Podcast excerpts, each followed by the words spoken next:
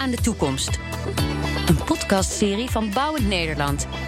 Het beste gereedschap voor de toekomst in de bouwsector. Leuk dat je luistert naar deze Bouwend Nederland podcastserie Bouwen aan de toekomst. Een podcastserie waarin we meer ontdekken over de bouwsector. De gevolgen van het klimaatakkoord voor jouw pand. De komende jaren moeten grote stappen genomen worden om Nederland van het gas af te krijgen. De belangrijkste maatregelen: honderdduizenden huizen per jaar moeten van het gas af en zoveel mogelijk nieuwbouwwoningen moeten worden opgeleverd zonder gasaansluiting.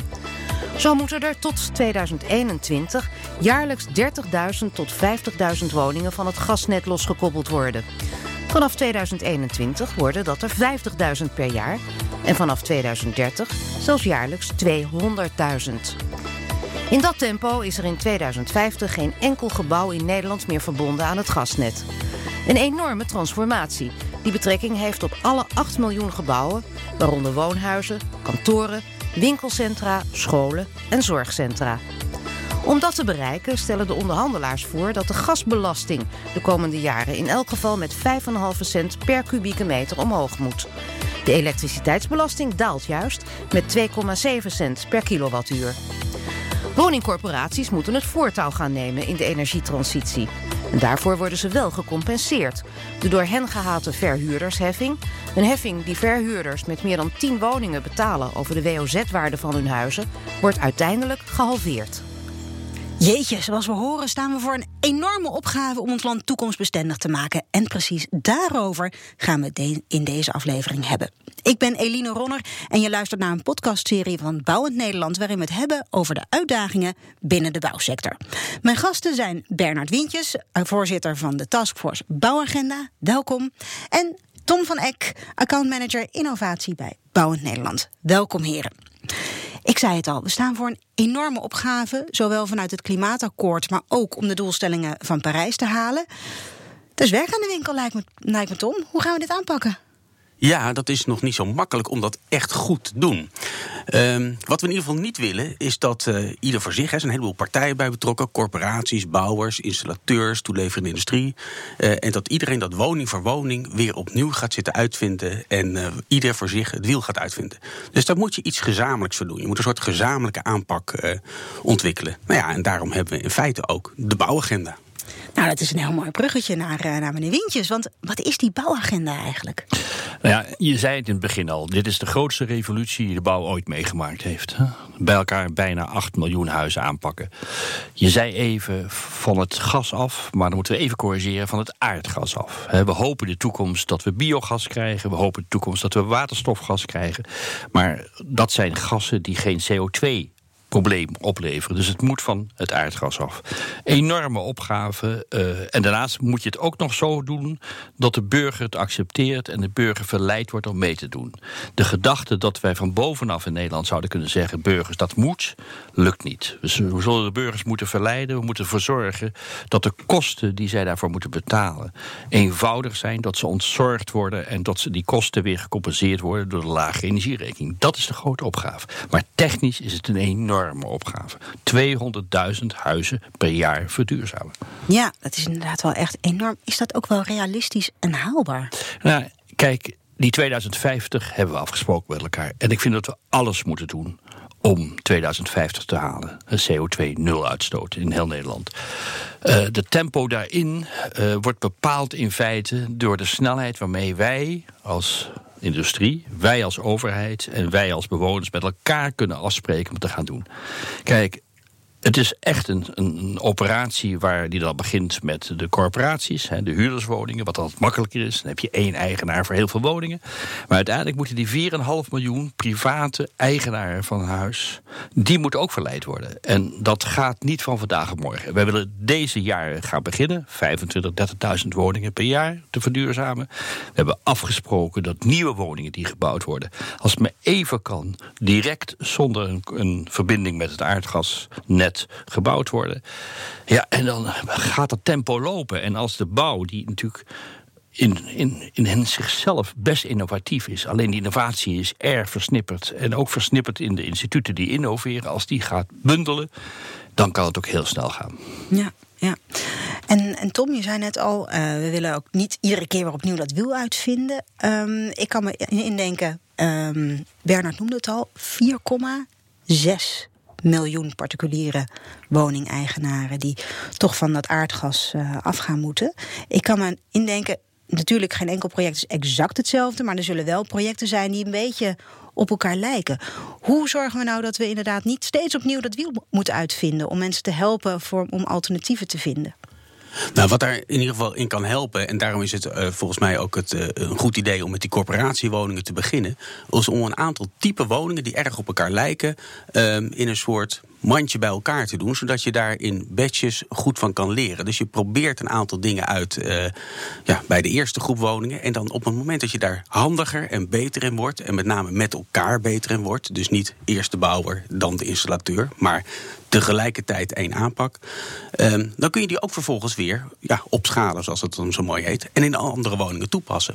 En als we dat dan goed weten, bijvoorbeeld voor een, voor een rijtjeswoning of voor een mooie portiekwoning, een portiekflat, hoe je dat handig doet, dan kunnen in het verlengde daarvan ook heel goed die particuliere eigenaren daarvan profiteren. Um, want de basis kunnen we dan goed en dan kunnen we daarna misschien nog wel het een en ander aan toevoegen. En we moeten dat proberen te doen op een manier dat ook de kosten omlaag gaan. Ja, Kijk, de huidige kosten zijn voor de particulier onbetaalbaar. Dus dat, daar gaat nu ook subsidie naartoe. Maar we hopen allemaal, en dat denk ik dat gaat lukken, dat met inspanning van de aannemers, installateurs, door de grootschaligheid steeds grotere aantallen huizen aan te gaan pakken, dat er nieuwe technieken ontwikkeld worden, dat een warmtepomp die nu nog heel erg duur is, misschien een derde kost van die nu kost, op langere termijn door grote aantallen, door uniformiteit en door gewoon innovatie. Daarom hebben we ook een innovatieinstituut opgericht. Die kennis moet ervoor zorgen dat de techniek vooruit gaat, dat er nieuwe technieken komen en de kosten echt heel sterk omlaag gaan. Ja, ja. Zijn er al, al, al stappen in gezet? Is er al een richting waarop we moeten gaan kijken? Nou, wat je nu al, uh, wat, wat ik leuk vind, is dat uh, je ziet nu met de startmotor dat inderdaad uh, het volume georganiseerd wordt. Dat heeft het klimaatakkoord, heeft, voorziet daar goed in. En daarnaast een innovatieclub. En dat is het Bouw en Techniek Innovatiecentrum, volgens mij waar Bernard aan refereert. Waar specifiek, en ik noem dat maar even een RD-programma komt op die energietransitie. Juist om nieuwe technologieën andere manieren van renoveren, andere manieren warmtechniek te doen, maar ook omdat je eigenlijk praat over een wijkaanpak waar je het energie aanbod en het energievraag die er is in een wijk wat beter met elkaar wilt matchen. Dus die transitieopgave, om daar beter in te worden. En daar hebben we wat meer RD voor nodig. Gewoon mensen die daar goed over nadenken en nieuwe technologieën daarin ontwikkelen. Nou, en dat komt er nu. Ik denk dat dat een goede stap is. Nou ja, je ziet dus, het is echt heel erg boeiend. Uh, historisch is het zo dat je niet echt een centraal instituut hebt voor ontwikkeling, voor innovatie in de bouw. TNO doet een beetje, heel goed, maar wel heel erg gefragmenteerd.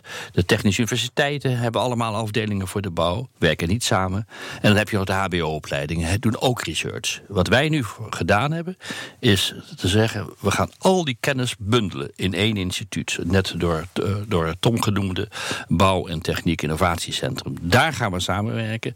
Daar zit ook in de organisatie zitten de, die instituten. Daar zit Bouw het Nederlands. Daar zit Techniek Nederland, nog een paar andere instituten. Daar zitten de drie ministeries in. We gaan die kennis bundelen met subsidies vanuit economische zaken en andere subsidies om te zorgen echt dat de burger stakjes betaalbare verduurzaming krijgt. En dat is eigenlijk de grootste opgave. Als dat lukt, dan redden we het. Ja, want wordt er met dat Bouw- en Techniek Innovatiecentrum... worden op deze manier ook kosten weggehaald bij bouwbedrijven? Nou ja, de bedoeling is dus dat daar een opdracht naartoe gaat... Hè, van de aannemers, van de installateurs, van de ingenieursbureau samen.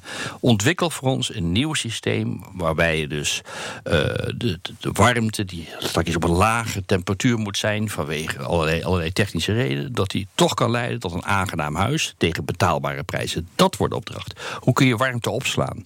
Hoe kun je zorgen dat het isolatiesysteem uh, nog veel efficiënter is? Hoe kun je zorgen dat wanneer huizen, oude huizen, de 50, 60 jaar, die waarschijnlijk toch een voorgevel moeten laten vervangen over het dak, doe dat industrieel met robots. Doe dat op een manier dat het goedkoop is en topkwaliteit. Ja.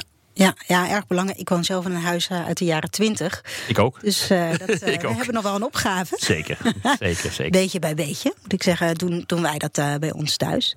Um, maar niet alleen huizen moeten verduurzaamd worden, ook onze bruggen. En dat zijn er nogal wat. Ja. Die moeten grondig gerenoveerd, uitgebreid of zelfs vervangen worden.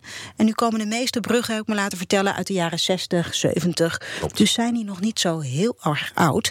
Of kan het soms zijn dat ze nu al aan vervanging toe zijn, Tom? Nou ja, niet zo heel erg oud. Het is toch alweer 50 of 60 jaar oud uh, tegenwoordig. En normaal gesproken betekent ook wel dat dat een moment is dat je weer wat aan groot onderhoud gaat doen.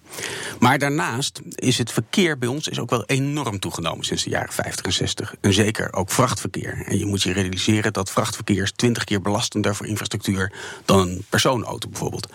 Nou, je ziet dat uh, nu, met name in die grootste onderhoudsopgave, je ook meteen uh, die bruggen weer geschikt kunt maken voor die zwaardere verkeersbelasting, waar die in feite toch voor nodig is. En bruggen zijn belangrijk in onze infrastructuur. Want in feite is iedere brug is een cruciaal onderdeel. Als die eruit valt, dan staat eigenlijk meteen uh, half Nederland stil. We hebben het met de Merwedebrug gezien.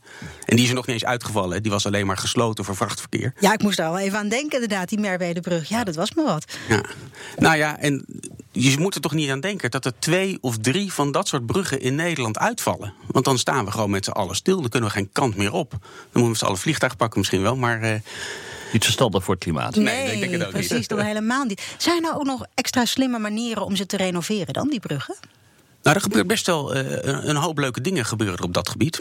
Een van de projecten die me wel te binnen schiet is uh, Saarban. Dat is bij, uh, bij Muidenberg is dat geweest. Dat is natuurlijk de aantakking van de A6 aan de A1. Dat was een spoorbrug die over de snelweg heen moest. En je ziet dat bij, op het moment dat je aan een brug gaat werken, het heel belangrijk is dat de verkeersdoorstroming op orde blijft. Hij moet constructief in orde zijn. Het moet natuurlijk ook wel weer een lange tijd door kunnen, kunnen gaan. Maar je moet ook zorgen dat je niet ja, het kruispunt of, of de verkeersader op slot zet. En daar zeg, hebben ze de brug gebouwd naast, gewoon in de wei, naast het, het werkvak. En vervolgens in een weekend hebben ze gewoon die enorme brug hebben ze op zijn plaats uh, gebracht. Gewoon een spoorbrug over, het, over die nieuwe snelweg heen. Ja, dat is natuurlijk de manier om dat te doen. Dan heb je geen last tijdens de werkzaamheden. En toch een fantastisch gloednieuwe brug. En daarnaast, kijk, er zijn nog twee andere aspecten vanuit de, de bouwagenda. Dat is zorgen, klimaatadaptatie, een heel moeilijk woord. Betekent gewoon zorgen dat er steeds meer regen die gaat vallen, opgevangen wordt. En het tweede punt is circulariteit. Ook een moeilijk woord, maar circulariteit betekent in feite dat alle materialen die je gebruikt in de bouw hergebruikt moeten worden. Dat heeft Nederland getekend, een, een overeenkomst over getekend, ook in 2050. En dat geldt ook voor bruggen en dat geldt ook voor sluizen. En Rijkswaterstaat heeft dat nu in haar actieprogramma gezet. Dat alle bruggen die men gaat bouwen circulair worden. Dat wil zeggen, de materialen kunnen hergebruikt worden. Daarnaast techniek, wederom dat, dat technisch centrum. Kijk, elke brug in Nederland, niet elke brug, maar heel veel bruggen worden als alleen project. Een, een stand-alone heet het mooie project gebouwd. Dus wordt elke keer het wiel opnieuw uitgevonden. Ik hou niet van eenheidsworst. Er moeten altijd architecten mooie dingen kunnen maken. Maar de technieken die erin zitten, die kun je wel vele, vele malen gebruiken. Waardoor de kosten weer omlaag gaan. Want ook bij die bruggen, waar het gaat over duizenden nieuwe bruggen, moet het betaalbaar blijven. Dus je moet het materiaal kunnen hergebruiken. Je moet de techniek zo maken dat niet elke, elke brug opnieuw uitgevonden wordt. Ja, en dan gaan we dat dan gaan we het hopelijk redden. Ja, ja. Ik, ik heb nog een heel leuk voorbeeld waar, over het, uh, de circulaire brug die Bernard uh, net noemt. Bij Kampen hebben ze net een, uh, een tijdelijke brug gerealiseerd. En wat daar wel mooi in is, die is modulair opgebouwd. Die bestaat eigenlijk uit Lego-blokjes. En die Lego-blokjes die worden achter elkaar gezet. Die worden met een, een trekkabel worden die goed op spanning gebracht, zodat het aan elkaar zit. En die kun je daar dan neerleggen. En het mooie is, die brug kun je straks gewoon weer ook uit elkaar halen. En ergens anders ook weer in elkaar zetten. Geestig. Ja, want normaal gesproken is het natuurlijk maar de vraag of de overspanning die je bij de ene brug hebt, dezelfde lengte heeft waar je hem anders wil toepassen. Dus in dit geval, omdat hij van, zeg maar, van betonnen Lego gemaakt is, kun je hem gewoon weer ergens anders weer neerleggen. Nou, fantastisch. Ja. En dan kan er bij wijze van spreken een blokje nog extra tussen als hij ja. wat langer moet zijn. Of ik haal er wat blokjes tussenuit als hij wat korter moet zijn. Precies. En deze blokjes worden in de toekomst en nu al geprint. Dat wil zeggen met een robot gemaakt, zonder, zonder overtollige materialen.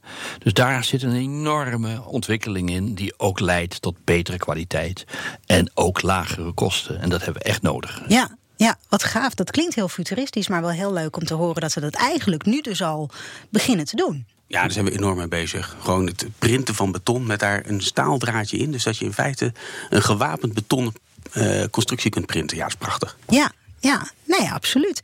Um, meneer Wintjes, u noemde al eventjes circulariteit, um, maar ook klimaatadaptatie. En daar heb ik ook een berichtje bij. Luister mee. Nederlandse bodem zakt meer dan verwacht.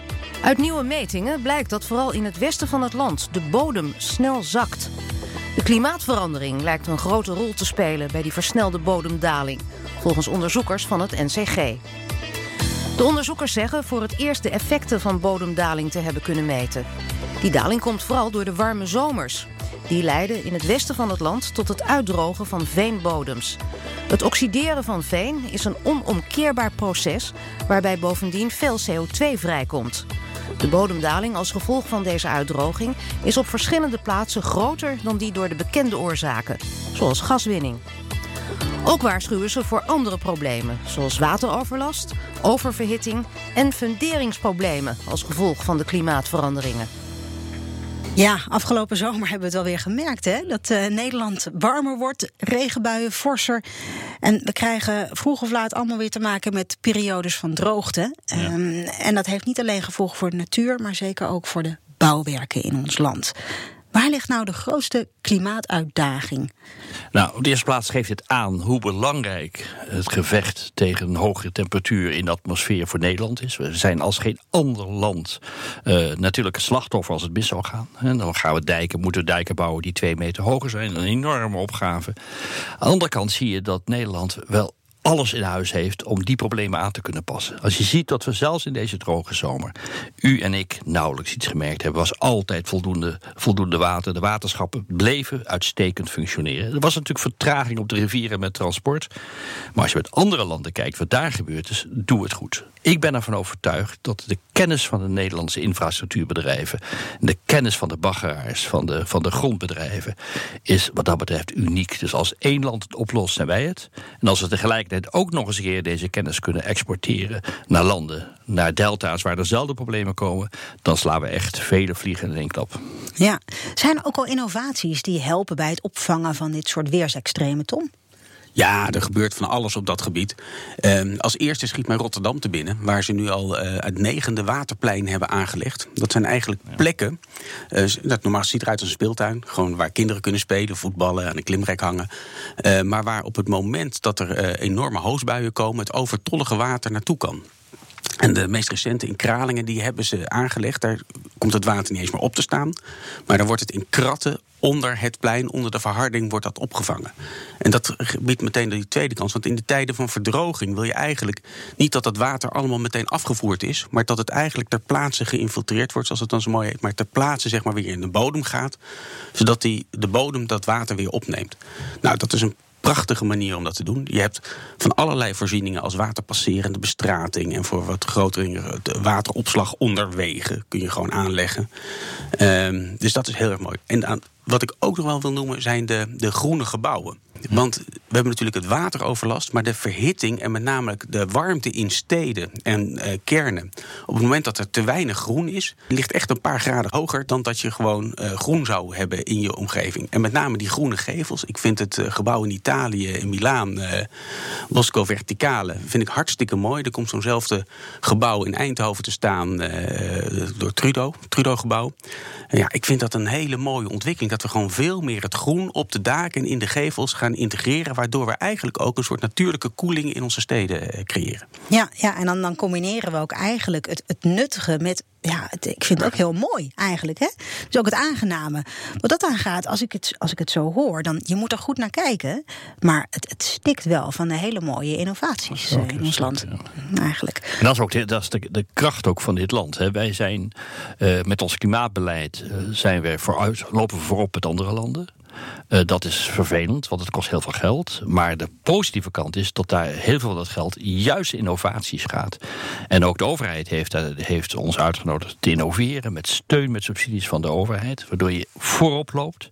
En de problemen die ook in Duitsland en België en alle landen in de wereld krijgen, dat je daar weer je kennis en je inzet en je ondernemerschap kunt gebruiken. Ja, ja, want hoe doen wij het eigenlijk wereldwijd gezien? Nou, als je een paar cijfers ziet, dat is natuurlijk beroerd. Op het gebied van, uh, van duurzame energie doen we het slecht. We gaan het natuurlijk heel snel inhalen. Het aantal windparken op zee groeit enorm. Uh, alleen we lagen achter, vergeleken met Duitsland, die veel eerder begonnen is, Denemarken.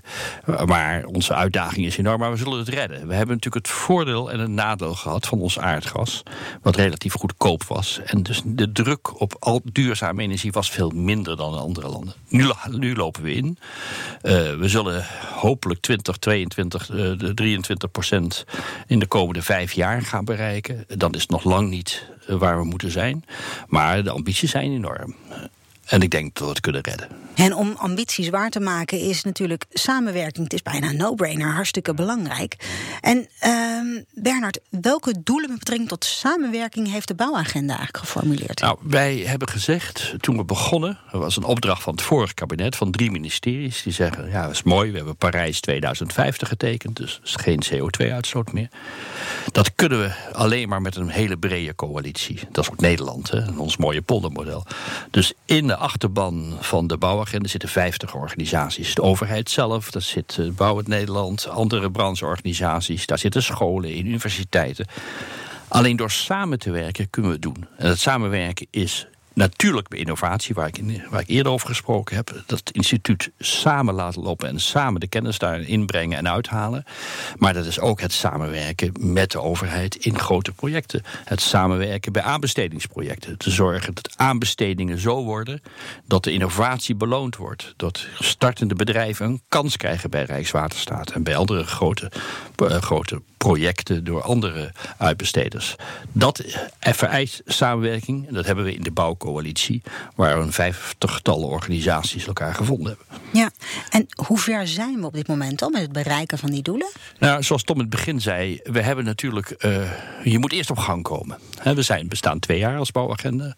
We, zijn benoemd voor vier jaar. Willen ook echt na vier jaar stoppen. Want het is altijd heel sterk wanneer je niet zelf probeert weer je eigen organisatie te verduurzamen voor op langere termijn. We willen echt stoppen. Ons doel is dat het begint. En dit jaar. Dus, je noemde al de startmotor, dat is een, dat is een, een deel van, van, de, van de klimaattafel, waarbij dus de verhuurders, de corporaties echt dit jaar de eerste grote aanbestedingen gaan doen. En dan moet het heel snel doorlopen naar 50.000 in de komende jaren. En uiteindelijk moet het doel zijn naar 200.000 per jaar. 200.000 per jaar om die 8 miljoen gebouwen in 2050 CO2-neutraal te hebben. Ja. En we hadden het net over aanbesteden, misschien toch als aanvulling om, hè, voor mensen die dat niet goed weten.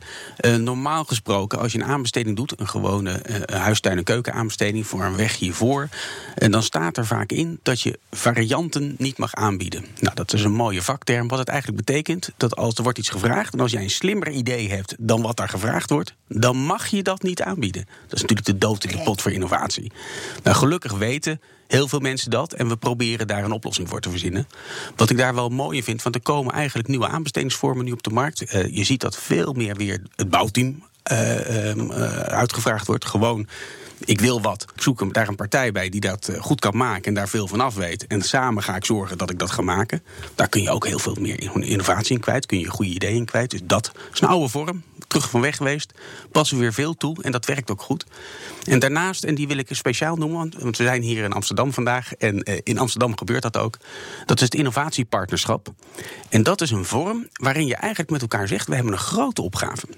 Amsterdam is gewoon 500 kilometer kademuren waar ze wat aan moeten doen. We weten aan het begin nog niet hoe goed we er zijn en we moeten er van alles in gaan leren. Maar we willen een aantal partijen om ons heen verzamelen die uh, met ons de eerste stukken gaan doen. En vervolgens daarvan leren en die leerervaring gaan we delen. En dan gaan we dat in het volgende traject gaan we dat beter doen. En dat in een aanbestedingsvorm. Want dat zet normaal gesproken de markt best wel op slot. En dit is een vorm waarin je zegt, dus niet alleen maar in het project, maar over projecten heen kan leren. En als innovatie iets nodig heeft, is dat je kunt leren van datgene wat je gedaan hebt, van je experimenten die je gedaan hebt. En het dan nog een keer kan doen en nog een keer kan doen en iedere keer weer beter. Want dan kun je echt gaan innoveren. En dat is wel een vorm uh, waar, nou ja, waar wij wel toekomst zien. Ja, ja, dus zo zien we dat zeker voor, voor innovatie, jouw portefeuille, samenwerking ook heel erg belangrijk is om ook van elkaar te leren. En ja, dan, het is misschien ook een, een open deur, maar als, als ik als gebruiker heb daar natuurlijk ook hartstikke veel profijt van. Ik kan me voorstellen, dan worden die kaders worden dadelijk gewoon sneller en beter. nou, misschien ook wel goedkoper gemaakt. Of mis ik dan nog meer voordelen? Je haalt de woorden uit mijn mond. Dat is wel jammer. nee, maar je hebt gelijk in. Ja, dat, dat is uiteindelijk de bedoeling. Weet je? En uh, veel van de projecten die in de bouw gemaakt worden, die hebben verschillende kanten. Het gaat natuurlijk uiteindelijk om die eindgebruiker. Het gaat ook om degene die het ding in eigendom heeft. Want willen daar niet heel veel uh, onderhoud aan hebben. Die heeft misschien ook wel dat hij dat duurzamer uh, wil produceren dan normaal is. Hij wil veel meer grondstoffen hergebruiken. Uh, maar ook de omwonenden zijn dan belangrijk. Het, het, op het moment dat je uh, een bouwwerk, ja, dan ben je vaak ben je te gast in je omgeving. Uh, je hebt altijd buren. En die buren moeten daar ook weinig van meemaken. Bijvoorbeeld, uh, als je in, midden in de stad, als je daar gaat heien of een, een waterkering wil, wil trillen, ja, dat geeft trilling. Dat is vervelend als daar een monument naast staat. Of misschien je huis de theekopjes op de tafel staan te rammelen. Of erger. En je legt de vinger echt op de goede plek. Jij trouwens ja. ook. Het gaat om de burger. Wij kunnen met mooie coalities alles bedenken. Maar het gaat erom dat je de burger overtuigt dat dit noodzakelijk is. En hem ook ontzorgt. En, er komen, wat, wat, wat zegt, nieuwe aanbestedingssystemen. In Rotterdam heb je een zogenaamd MKB-convenant. Waar de MKB'ers samen met de overheid om de tafel zitten. En zeggen: hoe kunnen wij nou dit infrastructureel project zo doen. dat we de, onze kennis inbrengen. Dat we ons gewoon uiteraard netjes gedragen in de aanbesteding. En dat we uiteindelijk een perfect project krijgen. Volgende stap in Amsterdam bijvoorbeeld is ook heel belangrijk. Dat we dus nieuwe wijken op een heel andere manier gaan bouwen. Een oude Vinex-locatie. Je bouwt een wijk. Best mooi. Oh, misschien nog een winkelcentrumtje erbij. Maar je vergeet de mobiliteit. Je vergeet de aansluiting. Je vergeet dat mensen ook willen recreëren, et cetera. Er zijn nieuwe plannen hier. Vooral hier vlakbij. Amstelstation. Naar het Muidenpoortstation. Als je dat zou gebruiken door bijvoorbeeld overkappen... de trein onder de grond zou zetten naar een hele nieuwe wijk... waar gelijk de mobiliteit perfect is. Waar de circulariteit gebruikt wordt. Waar de waterafvoer optimaal is. En waar de mensen heel fijn met veel groen kunnen wonen. Nou, dat zijn dingen waar de bouwagenda mee bezig is. Waar we ook een ontwerpplatform voor hebben. Heel specifiek integraal ontwerpen. En niet meer alleen maar huizen ontwerpen. En later een keer de infrastructuur. Nee, precies. Ook echt huizen waar ik graag in wil wonen. Huizen waar vandaan ik wil, naar mijn werk wil en kan gaan. Maar als je voorstelt hier, die, die, die treinbaan hier. Je ziet hem hier. En die loopt van het Amstelstation naar Monden. Dus dat zijn, ik weet niet hoeveel honderden hectare. Als je die onder de grond brengt. En je gaat het een deel vergroenen. En je bouwt daar mooie woningen. Mensen die hier kunnen werken. En niet helemaal van buiten de stad kunnen komen. Dat is de toekomst. En Ja. mensen willen ook in de stad wonen. En niet zozeer meer elke dag een half uur van buiten de stad naar binnen. Nee, ja, het klinkt wel mooi. En voor het klimaat het beste, hè? Zo'n, zo'n, eh, die rails onder de grond, alleen met die Noord-Zuidlijn, dat duurde wel even bij ons. Maar Dat, nee, eh, ja, dat is wel lang weer vergeten. Ze zijn wel lang vergeten. Honderdduizenden mensen maken daar gebruik van. Leg hem gauw aan richting Schiphol. En leg deze baan ook aan. Ja, hey, we hebben al ontzettend veel besproken, maar in het kort, hè, die bouwagenda die is nu eigenlijk halverwege.